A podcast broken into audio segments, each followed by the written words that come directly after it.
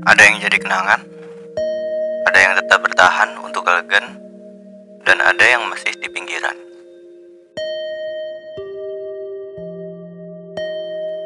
Semuanya tetap dipanggil dengan nama yang sama, kopi.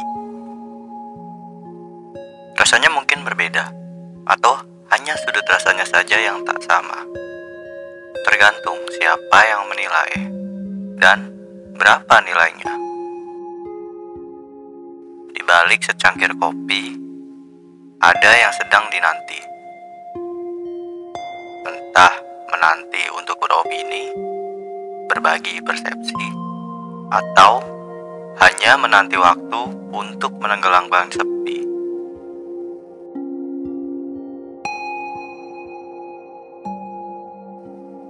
Di balik secangkir kopi, ada yang memilih untuk menikmati pagi, atau justru menunggu di kala senja, sambil berbagi cerita dan menikmati warna-warna.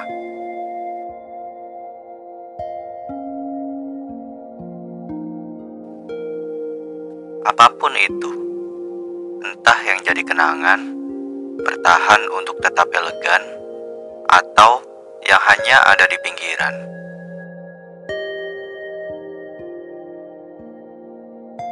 Secangkir kopi yang diseduhkan tetap memberi tenaga menghadapi hiruk pikuk zaman.